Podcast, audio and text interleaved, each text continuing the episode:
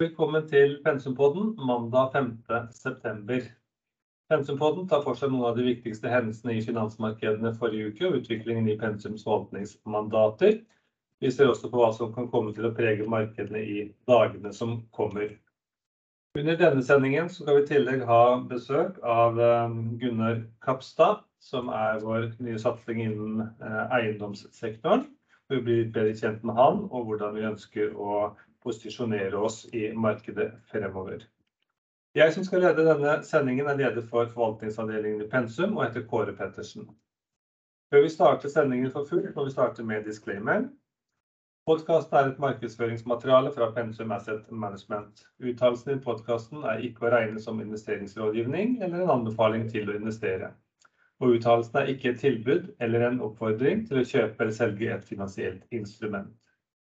Vær alltid oppmerksom på at historisk avkastning ikke er en pålitelig indikator for fremtidig utvikling eller avkastning på en investering. Søk råd hos profesjonelle rådgivere omkring juridiske, skattemessige, finansielle eller andre forhold før du foretar en investering. Vi har lagt bak oss en vanskelig uke i aksjemarkedet med fall i de aller fleste store indekser. Sånn som i USA så var det et fall fem dager på rad for Nasdaq indeksen eksempelvis, altså teknologibørsen. Og Det var den tredje uken på rad med fall for Wall Street, de store brede indeksene. I tillegg så var det forholdsvis store bevegelser innenfor rente- og valutamarkedet. Vi kan også snakke litt om sysselsettingsrapporten som kom i forrige uke på fredag. Det var vi veldig spente på etter at vi hadde fått to gode inflasjonsrapporter både på CPI og på PCI. Så var det spennende om vi skulle se nytt press i økonomien fra arbeidsmarkedet eller eventuell lettelse. Det kommer vi litt inn på. Og så har det vært mye annet spennende siste uke. I Kina så har vi jo fått nye data i forhold til pandemien.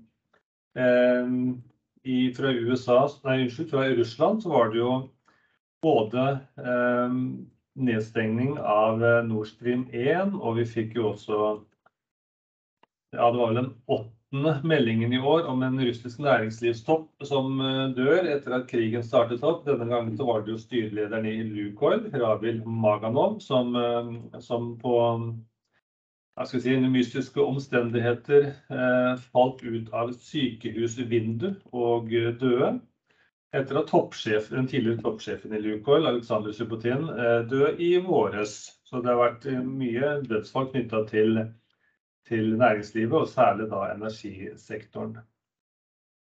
Dette kommer vi tilbake til på sett og vis i vår gjennomgang, og da vil jeg bare aller først introdusere Trond Omdal, som tar oss igjennom uken som var og de viktigste hendelsene. Takk skal du ha, Kåre. Ja, det var en svak uke også for Oslo Børs, som falt med 3% i forrige uke. Og Både oljeprisen falt betydelig. Frontmåneden falt fra $105 for så vidt oktober måneden, og så skiftet det til november, og den måneden den falt til 92, men er opp til 95.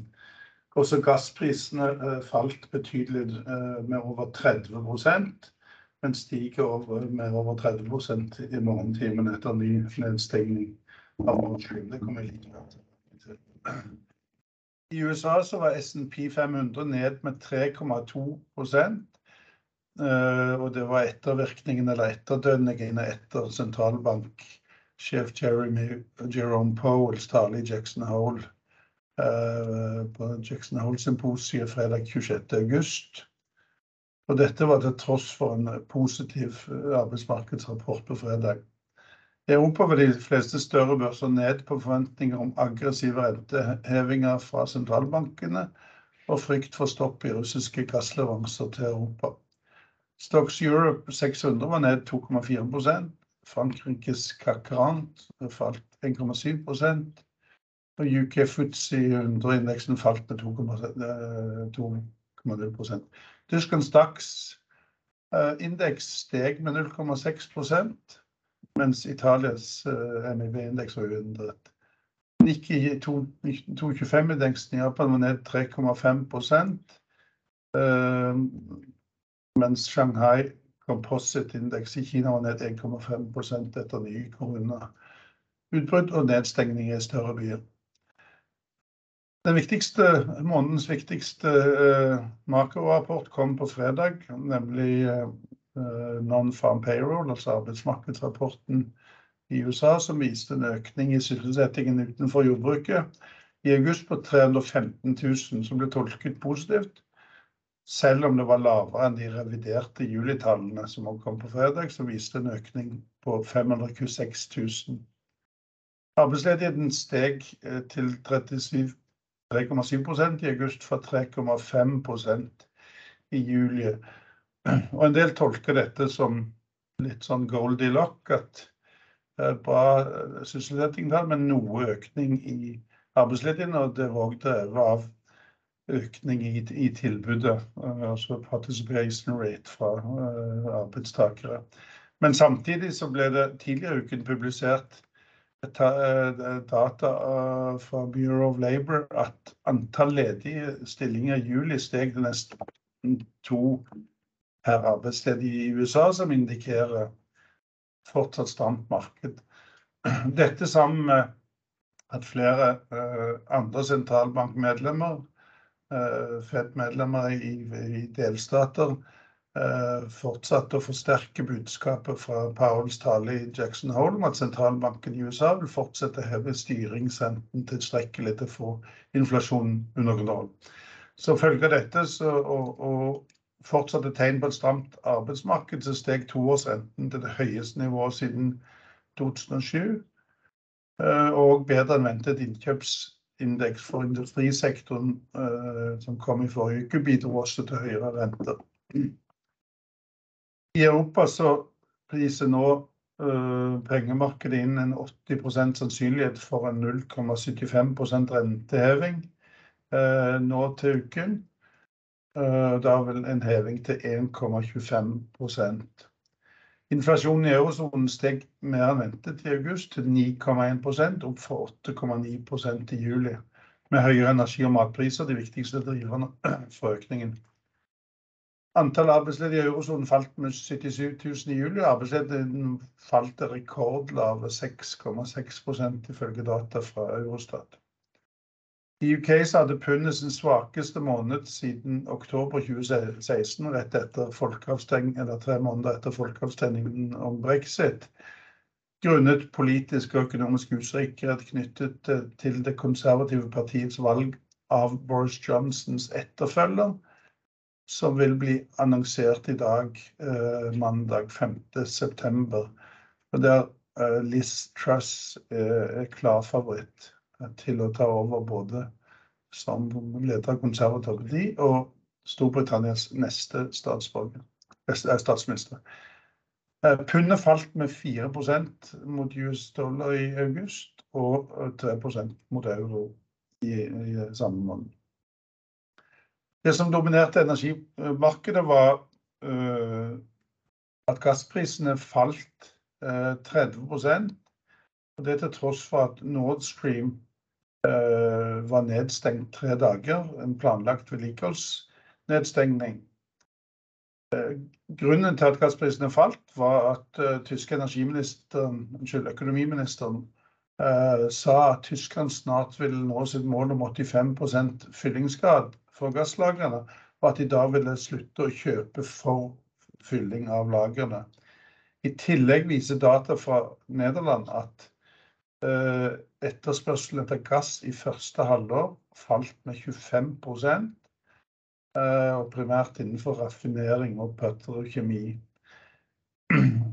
Både el- og gassprisene falt også etter at Électricité de France annonserte at de vil starte alle kjernekraftverk innen vinteren. I dag er 32 av 56 kjernekraftanlegg nedstengt av korrosjonsproblemer og manglende vedlikehold. Og på toppen av det hele har det vært problemer med nok eh, vann til å kjøle ned anleggene. Men etter eh, børsslutt på fredag så kom annonseringen av at Gazprom vil fortsatt stenge ned Nord Stream. Og vi ser i morgentimen i dag at, at gassprisen i Europa er opp over 30 dette ses òg på som en reaksjon fra Russland på EUs eh, e forslag om et pristak eh, på olje eh, når sanksjonene innføres i, i desember. Oljen falt som sagt fra altså oktoberkontrakten handlet over 105 dollar tidligere i forrige uke. Og, og det switchet til novemberkontrakten på torsdag 1.9. og falt til 92 fat. Vi handler nå nær 95 eh, dollar fatet. Et tegn på uh, hva vi kan vente i dag på, på noen av uh, uh, selskapene på Oslo Børs, som hadde en svak uke, Equinor og Vår Energi bl.a. som storgassprodusenter, var at Equinor eh, stengte under 380 i Oslo, men stengte på 389 i USA etter annonseringen fra, eh, fra Gazprom. Da gir jeg over til deg, så tar vi kalenderen litt senere. Takk for det, Trond. Da kan vi bare supplere med litt sånn småting før vi går over på eiendom. Um, vi, vi jo, var jo litt inne på, på, renter. og Nå så vi at de amerikanske rentene steg jo videre sist uke. Lange renter kom nå på 3,19% og er vel nå nærmest helt uh, identiske med de tilsvarende norske eh, rentene. Um, vi så at Nibor-rentene her i Norge steg videre fra 2,59 til 2,66 Um, og så Innenfor valuta så, så vi at, uh, ser vi nå at uh, dollaren er på det sterkeste nivået nå på 20 år mot uh, euroen. Sist gang, altså i 2002, vi var på, var, vi var på dette nivået hvor vi var da, hvor, hvor vekslingsforholdet var ca. 0,98. Så Det betyr at per i dag så ligger dollaren på 10,06 på norske kroner, mens euroen ligger på 9,95. Så kan vi også ta med når det gjelder eh, priser, at uh, lakseprisene kan se ut til å ha bundet ut. Det er mange analytikere nå som spår at uh, vi har nådd bunnen for denne gangen i lakseprisene på sånn midt 50-tallet. Og at vi denne uka her begynner å nærme oss 60 kroner kiloen igjen. Og vi fikk jo også nå tallene for sjømateksporten i august, og endte på 12,5 milliarder kroner som er den sterkeste måneden noensinne. og hvor da laks eh, dro spesielt mye opp. En oppgang på 30% fra i, i, fjor. Noe av dette er jo eh, kronemessig, men eh, det er også eh, bra på volumsiden. Eh, med det så tenker jeg at vi går over til eh, å snakke litt om eiendom. Og da har vi som sagt besøk av Gunnar Kapstad i dag. Og jeg tenkte at vi bruker noen minutter på å bli kjent både med, med Gunnar og med, med, med eiendomssatsingen til Pensum. Så jeg tenker aller først, eh, Gunnar, kan ikke du fortelle litt om, om deg selv, litt din bakgrunn og hva du jobba med tidligere? Ja, det er Gunnar Kapstad. Jeg, jeg har 34 års uh, eiendomserfaring.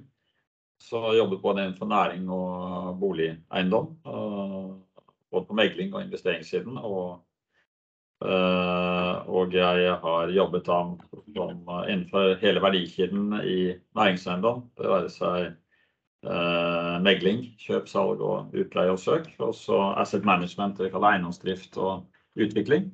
Og så har jeg jobbet også med investering via syndikering, eh, kjøp og salg og egenkapital og lånefinansiering.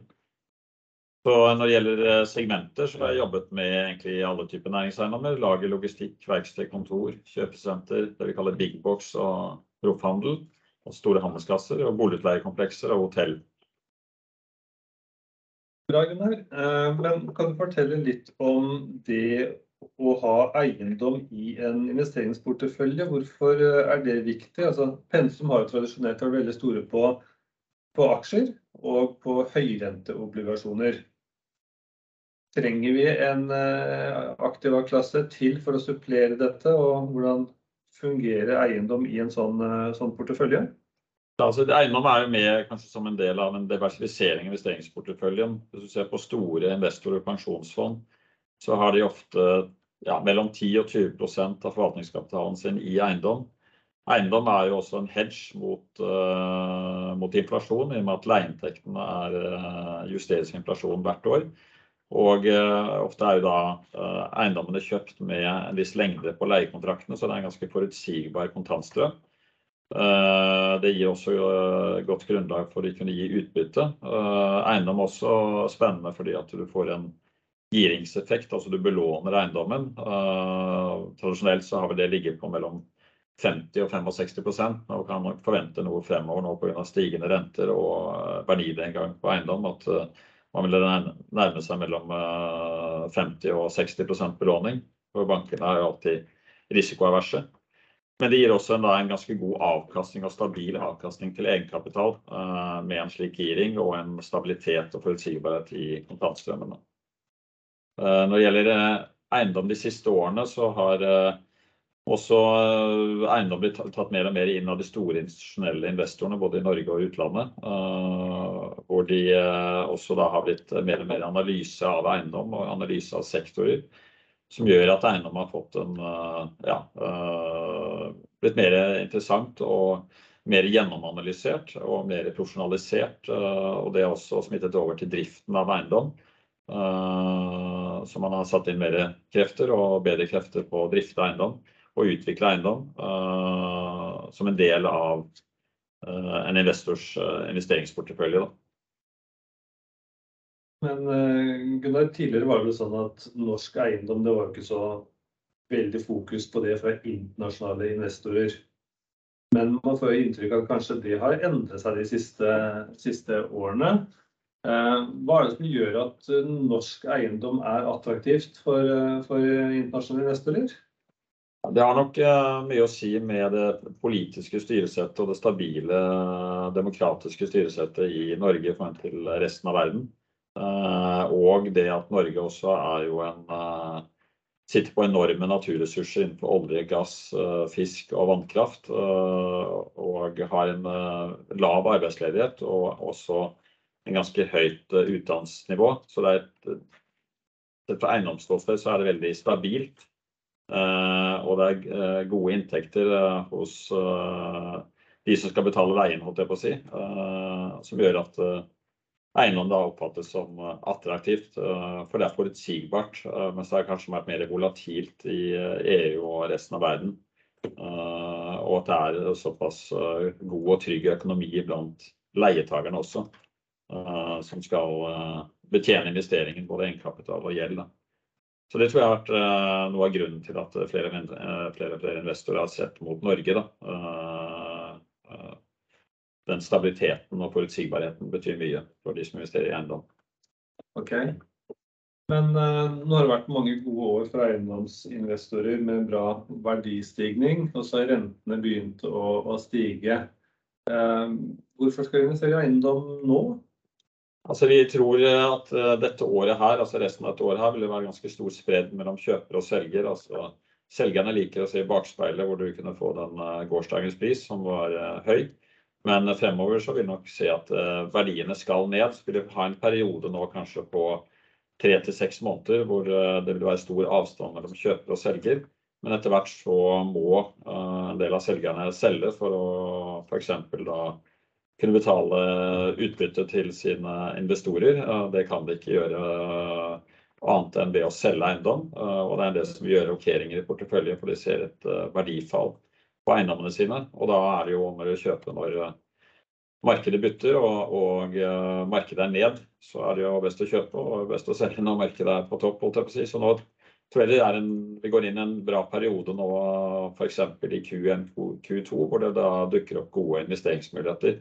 Etter en reprising av, av eiendom, på, spesielt pga. renteoppgangen. Uh, og også det at uh, det vært, er en del som har uh, eiendomsinvestorer som har tatt ut obligasjonslån. Og tidligere så har de lånene vært sikret på en høyere rente enn det de kunne ha på flytende rente. Så de kunne ikke innfri obligasjonene uten å betale overkurs. Men nå har pga. renteoppgangen gjort at du i hvert fall kan selge eiendommen uten å betale overkurs på lånet ditt. Og da vil nok være en del som ønsker å lette seg innenfor for eiendom. Og da, når da eiendomsprisen har gått ned en del, så tror vi det er gode muligheter for å kjøpe eiendom. da. Men da, som sagt i Q1, Q2, uh, 23. Så, så, det fallet vi sett eksempelvis i nabolandet vårt, da, i Sverige, innenfor børsnoterte eiendomsselskaper, det kommer vi til å se i reelle priser i løpet av et halvt års tid her, og da er det man skal kjøpe. Så det er litt tidlig enda. Ja, det, er litt, det er litt tidlig enda, det er det. Uh, ja, ja. Så den spreden må gå inn. Så selgerne må ta inn over seg at uh, verdien deres har sunket, og de må også da gjøre, vil da etter hvert velge å gjøre rokeringer i sin uh, portefølje. Okay.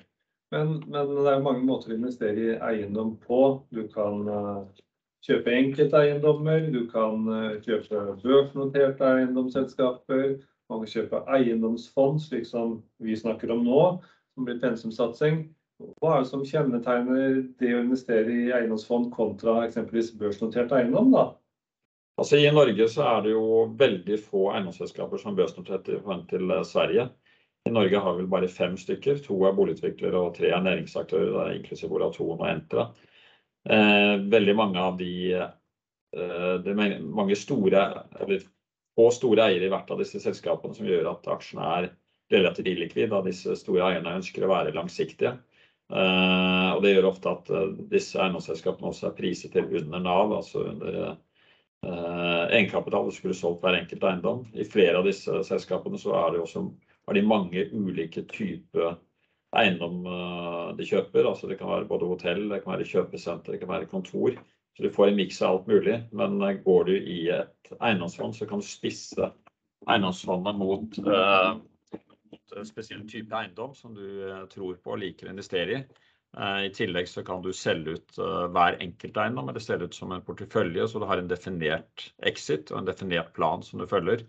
Så du sitter litt i, ja, i baksetet i en ved å investere i et børsnotert eiendomsselskap. Og du vet ikke helt Du er innenfor alle mulige sektorer innenfor eiendom, mens i et eiendomsfond så kan du sagt spisse det og ha en definert exit-profil. Og, en definert også utbyttestrategi som du følger. Da. Ehm, så det, derfor føler vi at det er kanskje bedre å investere i et uh, eiendomsfond hvis du først skal være i, i, um, i eiendom, uh, fordi at du tar bevisste valg på hvor og hvorfor du vil investere. Da. Men når du sier det, så er det naturlig å spørre deg hvilken type eiendom er det vi skal se på, som vi tror er gode kjøpsmuligheter på nå, og hvor hen Eh, er det vi tenker å handle? Vi tenker da lager, logistikk, verksted, kombinasjonsbygg. Kanskje med noe tilfang av eh, big box retail, proffhandel, altså handels, eh, store handelskasser. Vi tenker da i området Østlandet, hvor det er sterkest kjøpekraft i Norge og, og høyest utdannelsesnivå. Og vi tenker da langs kan si intercitytriangelet, Altså, det vil si fra Lillehammer ned til Oslo, Oslo til Halden og Oslo til Skien og langs da de eh, hovedmotorveiene. Eh, og da i næringsparkene som er etablert langs disse eh, motorveiene. Eh, det som kjennetegner denne, denne type eiendom, er at eh, for tiden så er, utgjør eh, fraktkostnadene ca. Ja, 40-70% av logistikkaktørens uh, totale kostnadsbilde, mens leien utgjør 3-6% Det betyr at eh, dersom man velger en type eiendom som ligger eh, strategisk til eh, og med korte avstander for å få varer inn og ut til forbruker og fra leverandøren, altså rett beliggenhet, så burde det ligge et betydelig grunnlag for en, en god leiepris og en økning i leiepris, fordi at det betyr såpass lite. Det er fraktkostnaden som betyr veldig mye for leietakeren. I tillegg så ser vi at netthandelslageraktørene de øker betydelig. Eh, mer og mer kjøpes på nett. Det er convenient og enkelt. Eh, og de har gode rutiner for, for å levere, altså ta imot varer som kunden allikevel ikke skulle ha. De trenger ofte mye mer plass, altså to til tre ganger mer arealplass enn vanlig distribusjonsareal for en pallelageraktør. Så da øker jo også behovet for den type areal som vi sikter inn på. Ellers så ser vi også at logistikkaktørene har gått fra just in time, altså at det vil si at du bare bestiller fra leverandøren din når du ser et behov fra forbruker som du skal selge til. Men nå blir det mer just in case, altså nå blir det just in case, vil si at man da bygger opp bufferlagre og derfor trenger også mer lagerplass fordi at man ser at forsyningskjedene kan bli disrupted, slik det har vært under Ukraina-krigen, og annet fra hvor det har stoppet opp fra Kina. Ja, så vi tror på at man må kjøpe der det er vekst i urbaniseringen, og det er jo en megatrend at de store byene blir enda større, og der også, der satser også myndighetene på vei, tog, infrastruktur. Der er kjøpekraften stor, og den vokser, og det mener vi er langs Oslofjorden, og da langs hovedmotorveiene og innenfor dette intercity togtriangelet som forhåpentligvis kommer etter hvert. Da vil det jo være enda mer populært å bo utenfor Oslo, for at reiseavstandene blir mye kortere inn til Oslo, hvor arbeidsplassene finnes. Hvis vi prøver å oppsummere litt, Gunnar, vi nærmer oss slutten her nå på eiendomskommentaren. Hva kan du oppsummere litt om eiendomsfondet? Hvor stort skal dette bli? Hva kan man forvente i avkastning? Hvor mye kan man forvente i årlige utbytter? Litt sånne ting. Vi satser jo på den type eiendom som jeg nå nevnte, men også da på måten vi øker verdiene på er at vi gjør verdiøkende tiltak som reforhandling av leiekontrakter. Vi leier ut ledig areal. Vi bygger kanskje på for en eksisterende leietager. Vi gjør energi- og miljøøkonomisering sånn at byggene oppfattes attraktive for leietakerne. Og vi satser på også litt færre og større leietakere per bygg, så vi lager en ganske homogen og godt driftet eiendomsportefølje som skal gi god, stabil kontantstrøm til eierne med gode utbytter over lang tid. Så vi satser på å komme dit, og i den forbindelse så satser vi på å kjøpe til et investeringsvolum på 1,5 til 2 milliarder, som vi skal klare innenfor en par årsperiode. Vi satser på en lånefinansiering på cirka 50%, et sted mellom 50% og 60%, som vi mener også er konservativt og gir god trygghet for investeringen. Vi har en avkastning target på ca. 10% til 15% IRR på egenkapitalen per år, og vi satser på en utbyttekapasitet på 2% til 4%. Grunnen til at vi kan få til det er også fordi vi kjører belåningen ned mot 50%, og da vil ofte bankene akseptere at det ikke betales avdrag på lånet, som vi heller kan gjøre som utbytte til investorene. Og Så tror vi at i enden etter 3 til 5 år så har vi laget et eiendomsprodukt, eiendomsfond som er attraktivt for norske og utenlandske institusjonelle investorer, som gir en stabil, lang og trygg avkastning. Og Da ser vi ofte at yielden og yield-kravet til investorene går ned fordi at det er såpass trygg og sikker og veldrevet eiendom. Og På den måten tror vi også vi kan få en superprofit da, ved exit. 3 til 5 år exit. Ja. Helt til slutt, Gunnar, tidslinje for investeringen her. Når er det vi starter opp dette her og bygging av fondet? Ja, vi bruker nå perioden fra september nå til desember på å lage setup fondet, få alt det praktiske og regulatoriske på plass. Så vil vi også bruke perioden oktober, desember til å identifisere eiendomskjøp og kjøpe eiendom, etablere en eiendomsdrift. Og så vil vi i Q1 cirka starte med kjøpene. I forkant av dette har vi også hentet inn kapitalen fra investorene. Og så vil vi etter hvert måtte også hente inn mer kapital når vi etter hvert kjøper flere eiendommer og bruker penger til oppussing, bygging.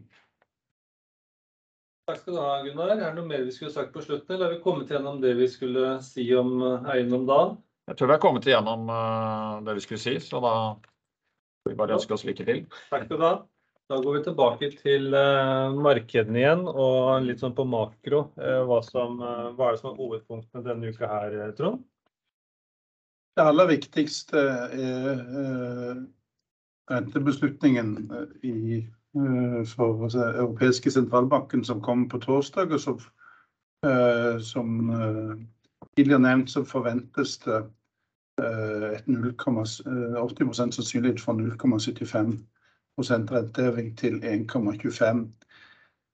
I dag skal det utnevnes ny statsminister og leder for Det konservative parti. Og odds on så er det Liz Truss som kommer til å vinne. Og sannsynligvis kommer hun også til å annonsere betydelige energipakker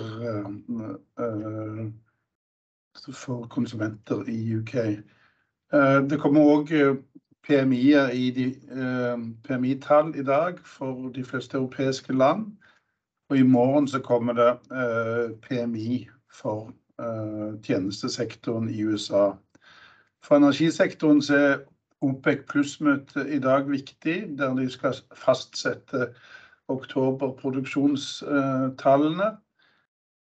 I realiteten er egentlig ikke de kvotene så veldig viktige, siden OPEC produserer nesten 2,9 millioner fat lavere enn det som er kvotene. Men det er viktig del, viktig for det finansielle markedet. Forventningen er at det blir uendret fra septembertallene, men OPEC har i forrige uke og uken før der snakket om at de er misfornøyde med at finansielle aktører presser ned prisene, og at det en at det ikke samsvarer med det fysiske markedet som de ser veldig som ser svært stramt ut. I tillegg så kommer det BNP-tall på onsdag, både for Japan og Tyskland. Og så kommer det konsumprisindeks for august for Kina på torsdag, som er interessant. Det var vel de viktigste denne uken. Takk for det. Da skal vi bare ta litt om forvaltningsmandatene til slutt. Vi har jo holdt på en halvtimes tid, så vi har litt tid igjen. Vi kan bare starte med å snakke om hvordan gikk markedene siste uke. Som en liten sånn rekapitulering på det. Oslo Børs falt jo 3% og er dermed opp 3% siden nyttår, mens verdensindeksen falt 3,3% og er ned 18,7% siden nyttår, målt i dollar. Men måler vi i norske kroner, så var det en nedgang på 0,7% for verdensindeksen, og hittil i år da ned 8,2%. Så sånn sett så har jo Oslo Børs klart seg veldig bra sett i forhold til de aller, aller fleste internasjonale børser. Det er kanskje India som vi kan trekke fram som den som har vært i nærheten av Oslo Børs, som ligger på rundt 6% oppgang. Ellers er det jevnt over negative tall over hele linjen. Hvis vi starter med Pensum Norge utbytte, så var det en nedgang på 2,4% siste uke. Indeksen falt altså 3%. Her var det ingen som utmerket seg sånn voldsomt, men det er klart at vi så det innenfor energisektoren. Og det var den delen av porteføljen som bidro mest negativt, med Vår Energi ned 7%, Equinor 6,5% eksempelvis. Og så har vi i tillegg Norsk Hydro som falt 7,8%. Og gjennomgangsmelodien her er nok resesjonsfrykt. Det som bidro mest positivt var sjømat, hvor Lerøy steg litt over 2%. Selektiv portefølje ned 3,6%. Og her var det Crayon Group som falt 11,8%, som var mest negativt. Det var en veldig vanskelig uke generelt for teknologisektoren. Eksempelvis så falt Nasdaq teknologiindeksen 4,2% siste uke. Og som jeg nevnte tidligere, som var ned alle dagene gjennom uken og nå seks dager på rad med nedgang. Vekstporteføljen falt 2,3%, Og her var det også Crane Group som falt eh, mest. I tillegg så har vi flyselskapet North Atlantic som var ned 10,3 um, Det har jo egentlig falt sammen med de andre flyselskapene. Både SAS, eh, Norwegian og Flyr har også vært inne i en svak periode. Det er jo åpenbart at det er høye flybensinpriser om dagen. Um, men vi har jo ikke fått kvartalstallene for andre kvartalene fra Norse, samtidig som vi ser at de vokser veldig veldig sterkt. Så det virker jo som om de operativt har kommet godt i gang, men det er som jeg sier eh, eh, litt svak utvikling for flyselskapene så langt. Så har vi energisektoren, og da tenker jeg at eh, Trond kan gi oss en sånn kort kommentar på, på den porteføljen også. Ja, Pensum Energi var ned 1,4% i forrige uke, eh, mot referanseindeks 1,3. Eh, det at det falt såpass lite til tross for at to av våre største posisjoner, Vår Energi og Equinor, var ned henholdsvis 7 og 6,5% var både at uh, Aker Solutions steg 9,6 uh, etter en avtale der de slo sammen subsea-virksomheten med Slumberger og Subsea 7. Eh, men òg at eh, Hafnia produkttank eh, steg kraftig. Og at vi òg hadde bra utvikling for et par av rigg- og seismikkselskapene. Det gjorde vel noen små endringer siste uke, Trond. Du nevnte jo Aker Solution. Så... Ja, vi økte vår post i, eh, i Aker Solutions. Eh, I tillegg så solgte vi ut Petronor og kjøpte oss inn, inn lite, økte litt i fornybarselskapet Orron. Og tok ned litt posisjonen mot Flex LNG. Vi tok en liten gevinst i Flex LNG, som jo har, en, har hatt en veldig sterk utvikling.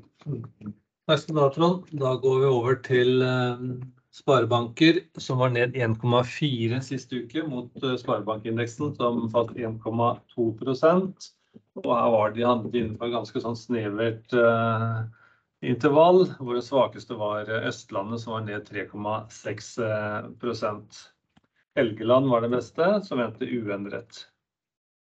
Så vi sjømat ned 0,4% Indeksen falt 0,1 og her var det Lerøy som var den beste, med en oppgang på 2,1% mens de litt mindre selskapene falt mer enn de store, med Salmon Evolution ned 3,9 og Måsøval ned 3,4% Så kan vi bare helt til slutt avslutte med eh, fondet.